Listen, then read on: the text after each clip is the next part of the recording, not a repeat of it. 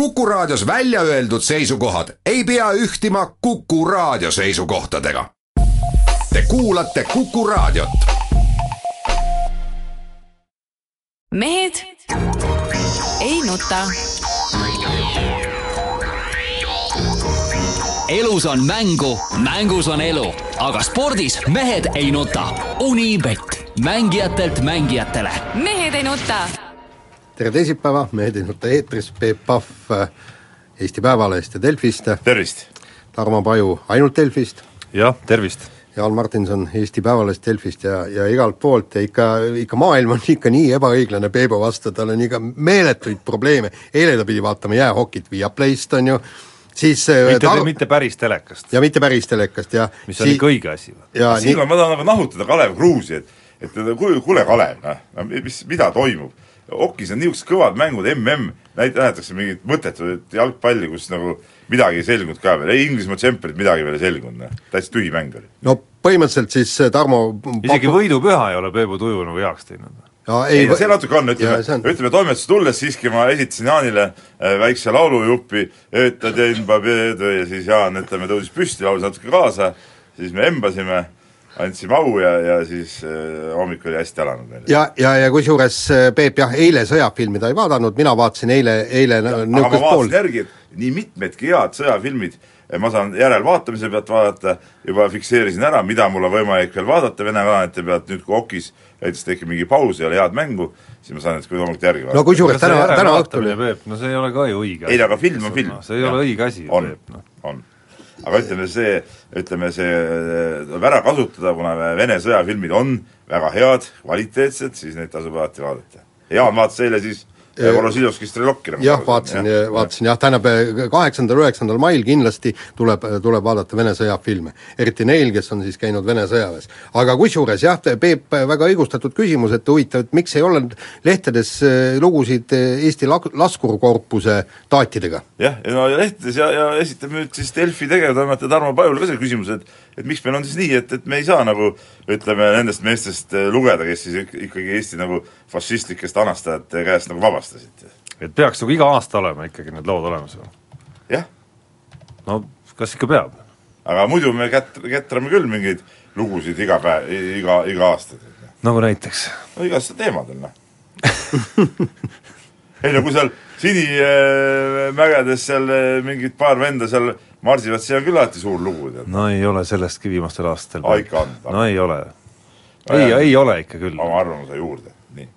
nii, aga sul oli siis veel ei, sõnum veel, no tänane päev hak- hakkas nagu ütleme, nagu halvasti pihta, lugesin eh, Päevalehes eh, hea kolleeg Raimo Poomeri kirjutas isest nagu, nagu hea loo sellest Prantsusmaa uuest presidendist, härra Macronist ja see nagu muidugi ajas mul nagu harja punaseks, kus nagu selgus, et et mingisugune Macron äh, ütles, et tema hakkab korda majja looma siin mingite Poolade ja Ungarite ja ja ütleme, niisuguste asjadega, no mis, mis, mis, mis on tema asi siin teiste riikidesse üldse surkida, no see on sama hea, kui tema paneb sanktsioonid peale. kuule, paneme ka, paneme Prantsusmaale ise sanktsioonid peale, tead, noh. et neid, neid tuleb nii palju, need lasevad neid, neid igasuguseid neegreid seal üle vee ujuda, eks ole, ja ja ma ei tea, mis asju sinna sisse endale eh, ohustavad Euroopat, paneme sanktsioonid peale neile, tead, noh. enne kui tara ette ei ehita terve riigile ringi peale, enne sanktsioonidest vabaks ei lase. ja, ja enne, enne Prantsuse veini ei osta ega ei ju? osta, ei põhimõtteliselt ei osta. no ma arvan, et Macron selle peale tõesti äh, noh, ilmselt äh, heidab ennast merre. ei no aga, aga Eesti- tegelikult Eesti sanktsioonid talle peale mida tal on äh, õiendada teiste riikidega, tee tegutse oma riigis, sa saa, püüa seal hakkama saada. See ajab mind närvi, sellest Euroopa Liit on nõme, noh, nõme noh. mida seal on kuradi kobiseda teiste kallal? kuule, okei okay,, kuule, räägime spordist, meil on esimene teema piisavalt huvitav, piisavalt see on intrigeeriv. nii ära liierdavad teemad ja mis siis tähendab rääkida? jah, no põhimõtteliselt Rapla pani siis äh, Kossuliiga poolfinaalis äh, Tartu Rocki paika ja ja, ja tehke mulle selgeks, miks pani, kuidas pani, kas Gerd Kullamäe jätkab peatreenerina ja mis nüüd saab finaalist, et kas nüüd saab ka Kalev Cramo saab tuupi või? No Kalev Cramo ilmselt tuupi ei saa, no see noh, see oleks nagu ebaloogiline, kui Kalev Cramo ka saaks. no põhimõtteliselt tal oli ikka Pärnuga oli see pusimist no mis pusimist, no selge see, nad tegid oma treeninglaagrit, mehed olid alguses ütleme laagri äh, järellainetes, et nüüd see nädal on neil vorm kindlasti parem, nädala lõpus juba väga hea, nii et nii et kui Rapla tõesti ühe mängu kätte saab, siis see on juba suurepärane saavutus. aga noh, miks tuupidagi, minu arust peapõhjus ikkagi kogu austuse juures Rapla vastu ja kogu kiituse juures nad olid väga tublid, peitub ikkagi selles, et noh, Tartu oli silmnähtavalt kehv ikkagi selles seerias. Äh, Rapla teenib minu arust äh, ja on väärt loomulikult äh, erinevaid kiidusõnu, see kirg ja võitluslikkus ja tempo, kõik need, mis Tartust üle olid, aga aga nagu Tartu ei tohiks lubada lasta sellist asja, kui Rapla ikkagi nii hea meeskond oleks, siis oleks Rapla näidanud seda võib-olla ka hooaja jooksul rohkem, oleks näidanud Balti liigas rohkem, aga, aga peale Kalevi ja Tartu, kes noh, selles nõrgenenud Balti liigas noh, jõudsid finaali lävele, ükski Eesti klubi ikkagi selles konkurentsis midagi erakordset sel aastal korda suut-, korda saata ei suutnud, ehk et eelkõige küsimused lähevad ikkagi sinna Tartu suunas, miks see noh, me sellest kirest rääkisime siin eelmisel korral ka, et miks see ikkagi kuskile siin hooaja lõpus jälle ära oli kadunud, miks Tartu ikkagi minu arust terve hooaja jooksul väga harva näitas minu arust head korvpalli. Et kui meenub siin hooaja eel see esimene eurosarja ring, kus tõesti kuidagi nagu noh, oli näha, et meeskonnas on energiat isegi rohkem kui vastasmeeskonnas. just nagu oldi hooajaks paremini valmis isegi kui vastased sellel hetkel. aga, aga see kõik, see mulje kadus juba järgmises ringis kohe ära, kui tulid järgmised vastased, kes omakorda nagu agressiivsuse energiaga jooksid tartlased üle. et noh, üks asi on kindlasti see eestlaste kooslus, mis on jäänud noh, päris pikalt sinna ja päris selline juba kõrges eas ja teine asi on kindlasti sama legionäride pool Tartus, kus aga tegelikult see ei ole nii kõrge, ma natuke, natuke tõmban nagu tagasi. aga mis kõrges eas? Äh, Tanel Sokk ja Gert Torbek saavad see aasta kolmkümmend kaks. no keegi neist ei mängi praegu oma karjääri parimat korvpalli. aga me ei saa öelda, nad on kõrges eas nüüd ka ei ole otseselt, noh. kolmekümne kahe aastased mängijad, vaata Euroopa tippkorvpalliski või NBA-s, on nagu jalaga segatud. Peep, aga nad on aga... siiski karjääriloojangul. Nad on, nad ei mängi keegi oma karjääri parimat mängu enam. sellega ma nõus. ja noh, teine ja, ja teine suur nüanss loomulikult on äh, legionärid, et Gerd Kuulamäe siin täna Tartu Postimehes andis intervjuu ütles seal, et nii väikeste vahenditega ei ole nad kunagi pidanud legionäre valima nagu sel hooajal. no see oli teada jah, sellest on räägitud ja noh, tulemus vaatab silma ka, et ma saan aru, et taheti ikka kindla peale minna, ei valitud, ei loobutud seal meestest, no mis on ka oma riskidega seotud, Rapla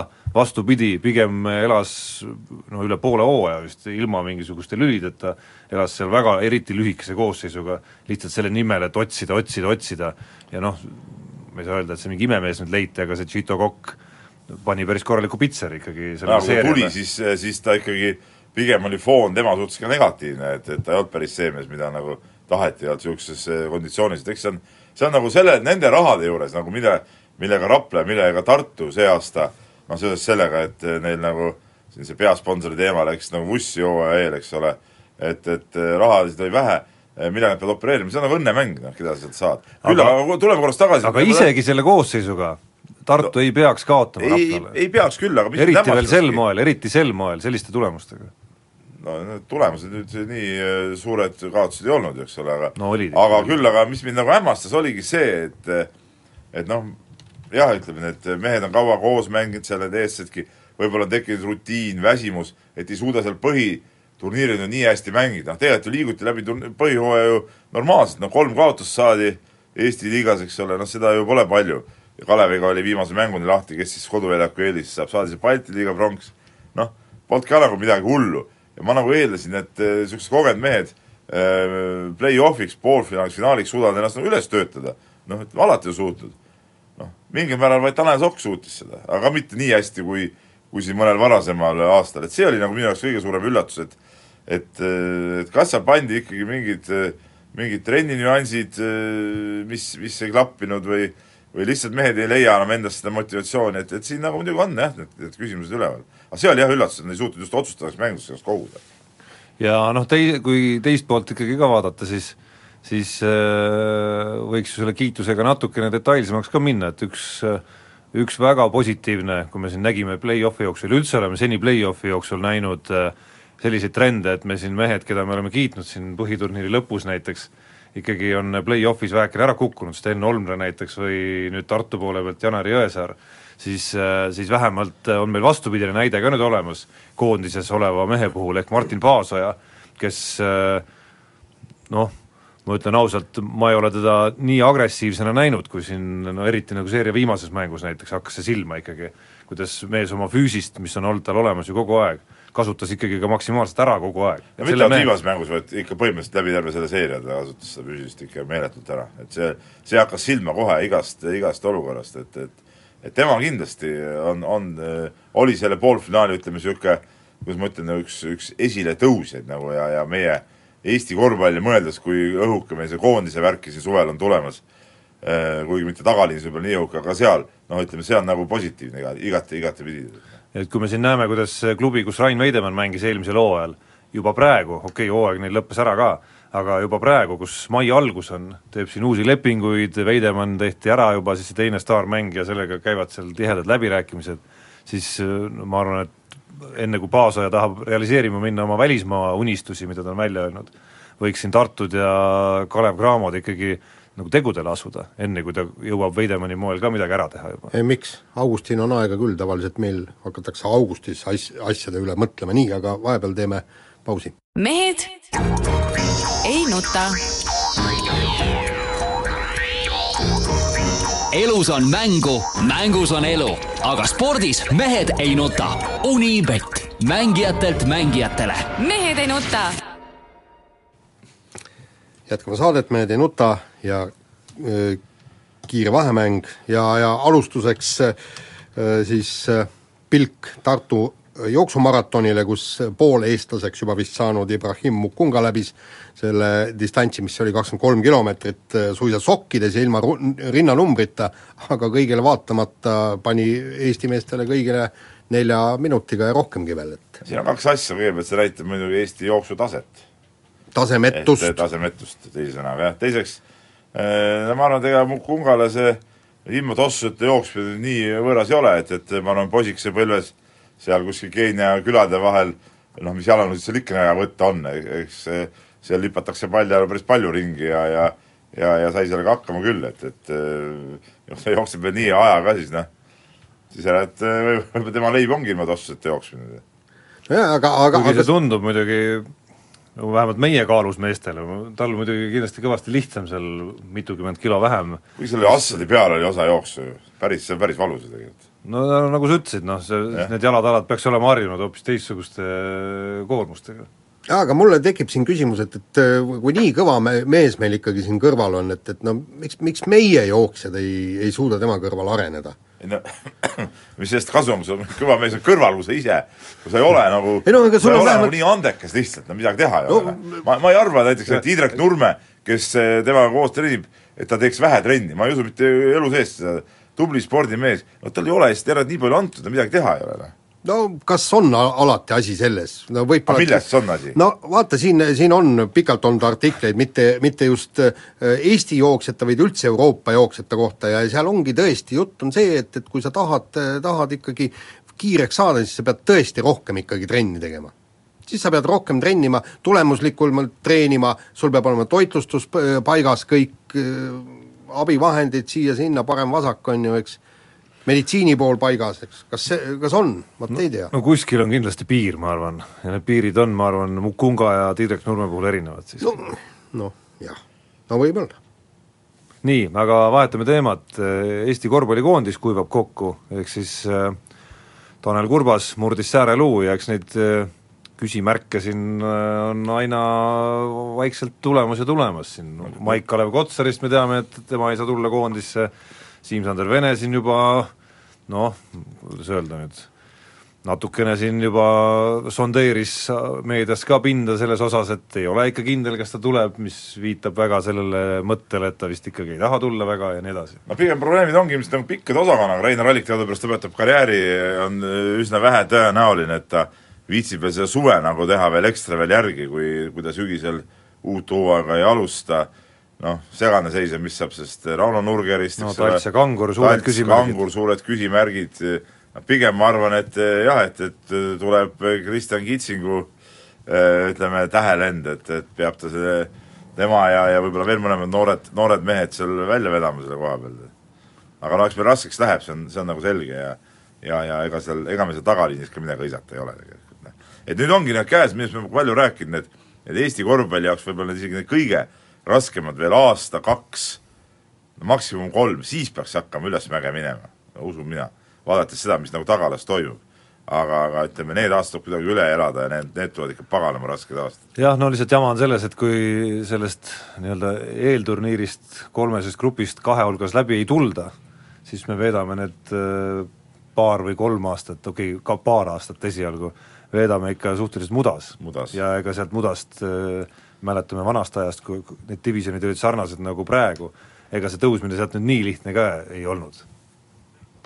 seda küll, nii, aga huvitav lugu oli Eesti poksivendade Karlssonitega, kes olid siis eh, mõned aastad tagasi eh, treeningulaagris ja vaatasid, üks mingi tumedalahaline poiss poksib päris eh, huvitavalt, et noh, teeme pilti tegid pildi ära ja hiljem selgus, et siis tegemist on siis värske maailmameistri Antoni Jošauga, et, et noh, huvitav värk igatepidi ja, ja, ja mees ise pani selle pildi ju kas ta Twitterisse või kuhu sotsiaalmeediasse ta selle üles pani.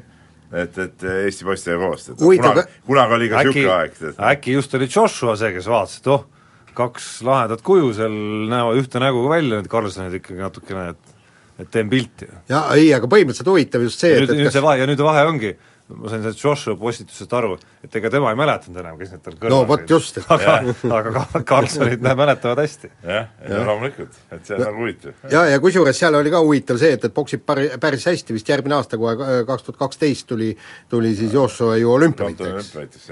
jah. et eh, noh, päris hästi poksis tõesti. nii, aga võtame kiirelt järgmise teema ja eh, Kalevi vastremonditud eh, spordihallis selgub, on uks, millel kiri dopinguruum. Et eh, noh, ma saan aru, et, et tegelikult noh, dopingu võtmine dopimained või? no just, et see, see peaks olema nagu varjatud tegevus, aga me noh, me ei häbene midagi, et, et me paneme lihtsalt ametlikult sildi, et kes tahab dopingut, palun tulge siia ja noh, lihtsalt nii ongi. et mi-, aga mis, aga mis seal häbeneda? ega ei olegi. ja, ja vaata, kui sa ausalt teed asju, tead noh, siis ei ole ka midagi nagu pahandada, et, et mingid kontrollid peaks tulema siin, noh, kõik teavad, ei ole põhjust kontrollida ka, noh. no just, milles küsimus, noh. No või kui tahad kontrollida, siis tead, kuhu tulla vähemalt, et et on nagu aus värk, aus pettus, ütleme, aus pettus. ega, ega Eesti antidopingu nagunii nii palju raha pole, et kogu aeg kontrollimas käia, et okei okay,, teevad seal mõned testid ära, mõned jäävad vahele, aga järgmistel on juba lihtne siis, noh, käivad seal, manustavad oma süstikesed või, või lusikaga mõne pulbri eh, kahmakas suhu ja, ja läheb edasi ja midagi karta pole. huvitav, kas ruumi sees on härra Bernatski või? tolmuimejatega.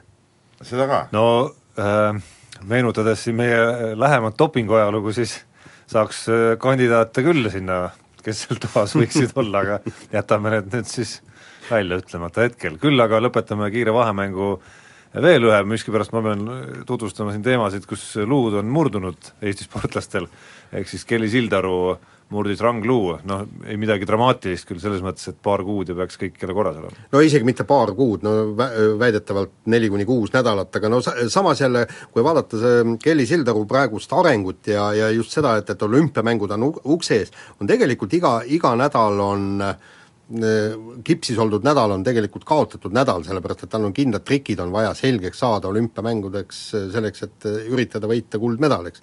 et, et ma, ma nüüd ei tea, kui palju sellest ajast maha jäädakse, aga igal juhul isa ütles seda, et forsseerima ei hakata. teine küsimus on ka see, ütleme, kuidas see psühholoogiliselt mõjub noorele tüdrukule ma ei no see, ei no see ei ole päris nii, jah. ranglumurd ei ole päris Tal on juba teine ranglumurd. nii, aga sellega teeme pausi, kuulame uudiseid ja oleme siis tagasi. mehed ei nuta. elus on mängu, mängus on elu, aga spordis mehed ei nuta. Unibet, mängijatelt mängijatele mehed ei nuta. jätkame saadet, Peep Pahv, Tar-, Tarmo Paju, Jaan Martinson ja Peep on nüüd ja, äh, ja kirju, kirju on, on palju ja alustame Sauna Madise äh, kirjast äh, jõe äärest, ta selle kirjutab nii-öelda ja ütleb tere, aulikud targad ja Jaan, noh, ehk siis kõik arusaadav, hästi alustatud. kuidas te suhtute taolisse pühaduse teotuselt vara lahkunud legendi Marek Tartu korvpall Doronini, no ta ei lahkunud muidugi nagu selles suhtes elust, vaid korvpallist. number üksteist särk usaldati kellegi teise selga, isegi lausa mitte eestlase ja mitte päris heleda, heleda isendi kanda.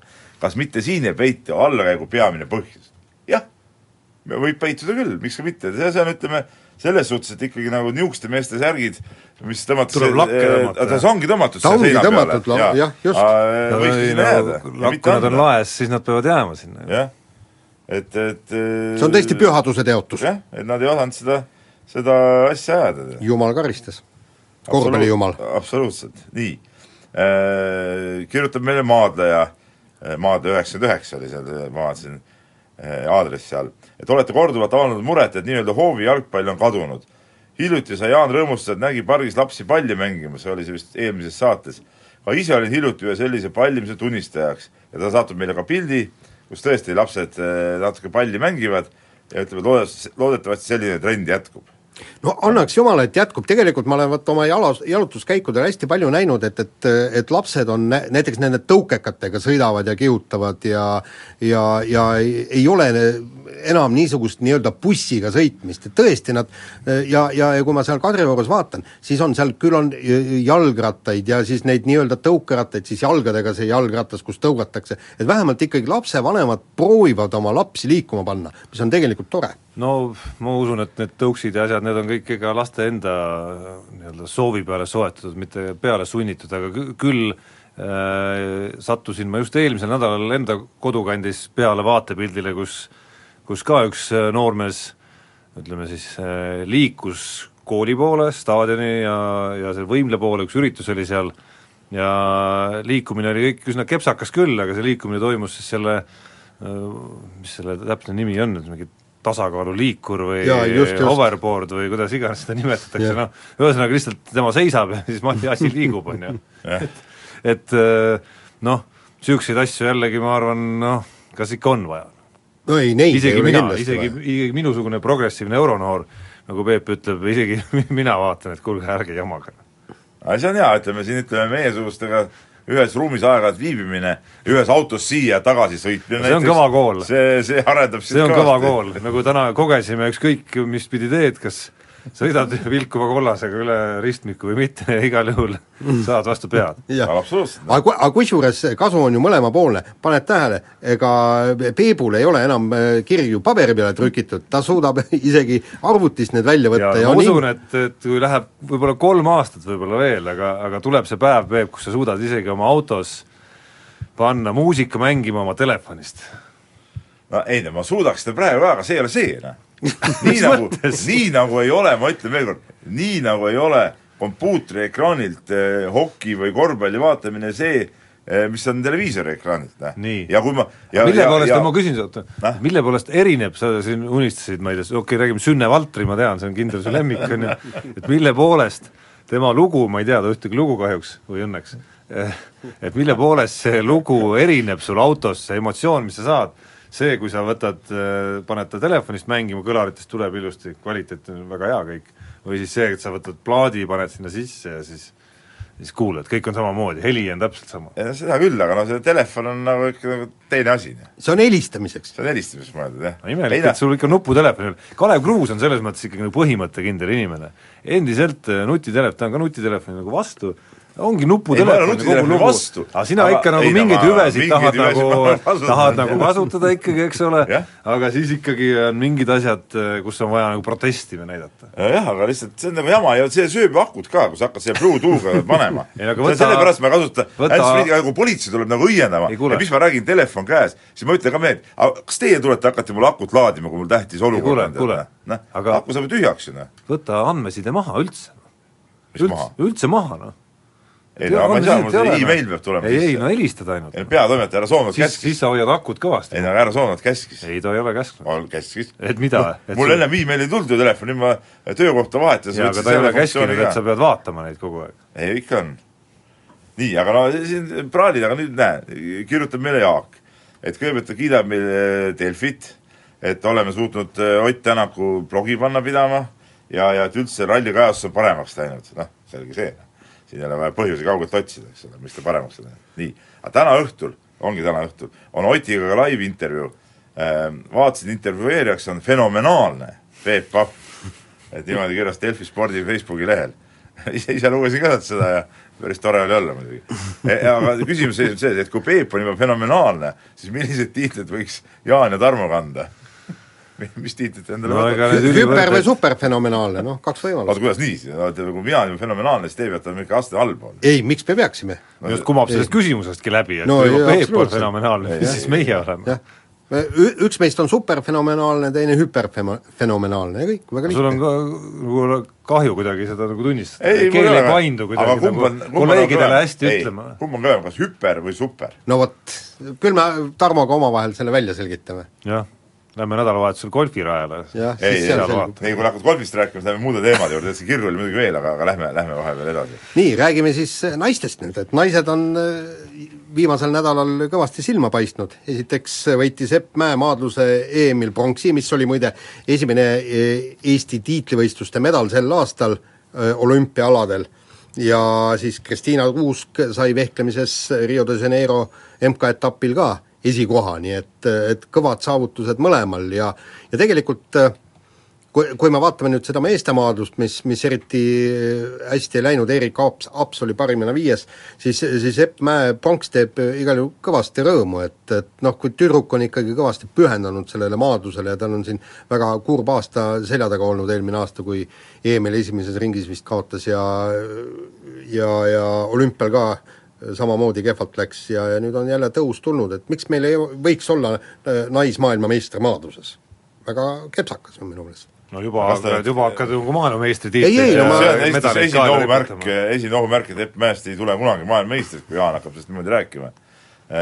Küll aga, aga mis on see aasta nagu huvitav, millest me seal eh, üks päev ka sinuga toimetuses rääkisime ja teiste kolleegidega, et selle hooaja, ütleme, mis on olnud siis nüüd neli pool kuud juba, et eh, kui vaatame parimaid sportlasi, eks ole, et siis naiste hulgas on meil nagu see aasta valik nagu juba praegult juba päris, päris äge, aga meeste hulgas ei ole midagi tulemas. ja ei Kelly- olegi midagi tulemas, Kelly sest et, ja sest et mehed ei Mäed. midagi võitma ju noh. ja Anett Anett Kontaveit Kontaveidid, no muidugi see on see asi, et ei Sildaru ja Kontaveit tiitlivõistlusi midagi teinud ei ole no, No- lootus, et mõni vehkleja teeb ja, ja, ja nüüd on kuidas see see, Mäe, eks Kelly ole. Sildar, juunioride maailmameister. no juunioride tiitli eest me ei ole nagu kunagi midagi andnud. ei, kindlasti oleme andnud, aga ja kindlasti aasta lõpust veel natuke MK-etapi võita ja noh, see on juba teine väga. asi, see on juba teine asi. aga noh, aga selles suhtes tõesti, et naiste hulgas nagu niisugust, niisugust nagu meeli erutavaid eh, spordielamusi on nagu viimasel ajal olnud rohkem, et meestest nagu ei olegi midagi tulemas, on kergejõustik MM-i aasta, aga, aga noh, sealt medalit loota on ju ülim optimism. just ja midagi muud ma, mul, mul ka nagu No pähe ei karga. Mart Seimil väga ei õnnestunud, judokatel ei õnnestunud see muidugi see, see lootus on, et ütleme paari aasta pärast see medal ikkagi tuleb takka järgi. nojah, see lootus on ikka olemas. aga noh, teisest teemast rääkides siis äh, väga sümpaatne ju, Kristiina Kuusk, kes on justkui nagu selline noh, ikka kohati nagu neljas lüli olnud seal, et äh, võistkonnavõistluses varus ja ja kuidagi keegi ei ole nagu üldse pidanudki kellekski seal, kogu aeg käib jutt seal hoopis teiste naiste ümber, Irina Embrich ja Erika Kirpu ja Julia Beljajeva, et, et lõpuks talle ka üks õnnestumine muudab, muudab kuidagi seisu nagu hoopis põnevamaks, seda enam, ma saan aru, et eh, nii-öelda treeneri vangerdustega ja tema ja Peeter Nelise koostööga on seal läinudki parajalt susisema kogu see vehklemisringkond Haapsalus vähemalt. no just, aga, aga tegelikult Kristiina Kuusel on ju see tegelikult juba viies poodiumikoht MK-etappidel ja, ja miks ta ei ole niivõrd silma paistnud, on see, et, et ta ei ole tiitlimedalit võitnud. ja, ja olgem ausad, et, et võistkondlik medalid on päris palju. jaa, või võistkondlikke küll jah, aga individuaalseid ei ole ja, ja tegelikult noh, kindlasti hoiaks Kristiina Kuusela praegu kõvasti-kõvasti pöialt just nüüd EM ja MM on tulemas. meile, meile Kristiina Kuusk on alati meeldinud, Jaan, eks ole. just, ja, ja mitte ainult meile, jah, jah, nii. kellele veel siis? ei noh, kõigile teistele. nii, aga räägime veel ühest äh, klassikalisest äh, Eesti äh, tõelisest spordialast, see on siis sõudmine, mis on hoolitsenud meie viimaste aastate noh, nende väheste triumfide eest või, või medalite eest, ütleme siis nii. ehk siis äh, eksperimentsõudjatel vähemalt esialgu tundub, et kukkus läbi, kahepaat Allar Raja, Tõnu Hendrikson äh, finaali ei pääsenud, neljapaat noh, pääses finaali, edastasid ühte konkurenti. seitse osalejat oli, kuus said finaali. jah, neljapaadil. aga, aga, aga mis mind natukene häirib, oli see vist ka Kaspar Taimsoo, kes ütles, et noh, et, et praegu on pärast olümpiat, et äh, nii-öelda vaheaasta ja kõik, et millal ve- veel neid noori proovida ja katsetada. Kuule, mis mõttes neid katsetada on vaja? Neil oli võimalus ju sõita oma kahe paati, nad äh, võisid komplekteerida ka nelja paadi, arenege, tehke, näidake, et te olete kõvad, murdke sinna nelja paati. Mitte ärge oodake, et, et kui Andrei Jämsal selg haigeks just, et Jämsal on selg haige ja nüüd siis tuuakse teid siia paati. näidake, et te olete nii kõvad vennad, et, et lihtsalt lükkate selle Jämsa või Hendriksoni või äh, Taimsoo sealt välja. no hetkel oleks saanud ju lihtsa vangerduse teha, et nii-öelda neljapaadis üks koht lihtsalt jääb vabaks Jämsa asemel ja mees parim sinna, mees, parim teised- mees, kes teil on, võtab, saab selle koha, saab lähevad kahe proovida paati ja üks ühe paat ka veel ja ongi korras, noh. no täpselt, jah. milles küsimus? Aga noh, tahaks loota muidugi, et need eksperimenteerimised nüüd väga kaua ei kesta, kuigi ma saan aru, et esimese hooga veel Hendrikson, Raja tahavad kahekesi veel sõita, aga EM-il, jah. Aga jah. aga noh, üldiselt on elu näidanud, et need eksperimenteerimised nüüd ei ole, ei ole hästi lõppenud, ikka lõpuks tuleb ikka see õige neljane kokku panna ja medalid ära võtta. aga kiiresti siia ploki lõppu tahaks ikkagi kiita Lätit.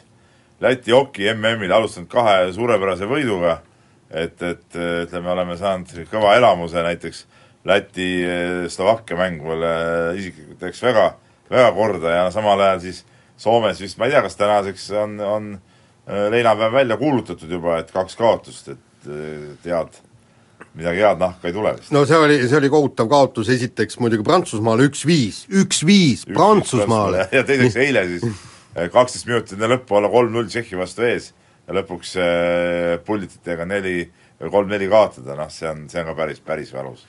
No eile vähemalt ju esimene pool mängust andis ikkagi ju lootust, et see meeskond ei ole nii kehv, et see meeskond suudab mängida tegelikult ei ja- ja olegi et see ju kehv, meeskond- seal on ju ja päris väga häid mängijaid. suudab veel sellest seisust seal tabelis välja ronida. no jaa, aga no kaugele ta ronib?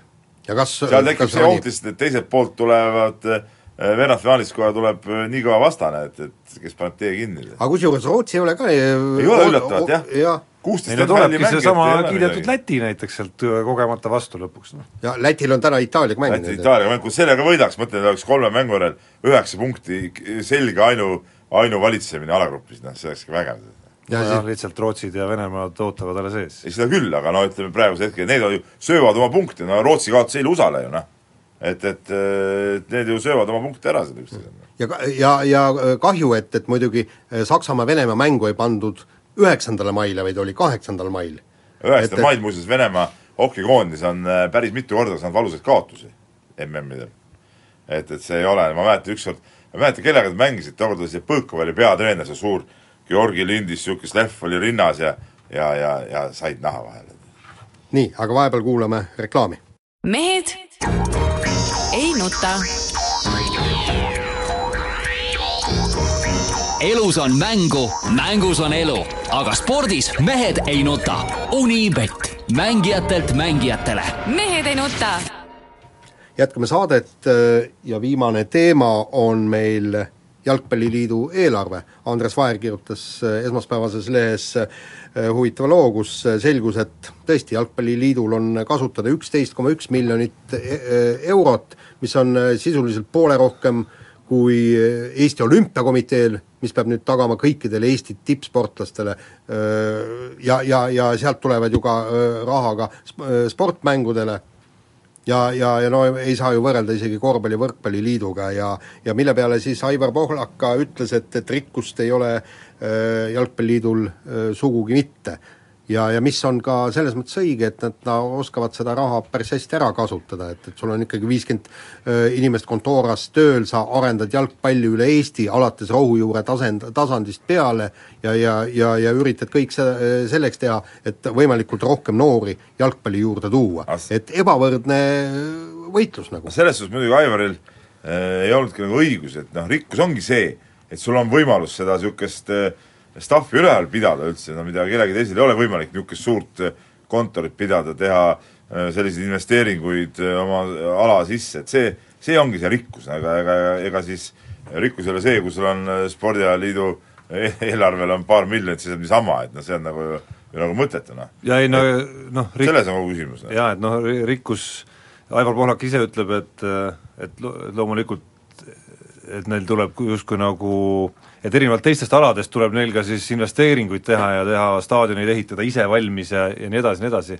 ja loomulikult tuleb, aga noh, kaks koma viis miljonit ma näen aasta eelarves ongi tegelikult täpselt selle jaoks sihtotstarbeliselt antud, ehk see ei ole ainult nii-öelda mingisugune lillepidu, vaid see ongi nagu kohustus ka, et Jalgpalliliit peabki seda tegema ja see, kuidas nad seda teinud on, või see, kuidas süsteemsena UEFA-d ja FIFA-d noh, tegelikult vallutavad maailma, on ju tegelikult vägev ikkagi.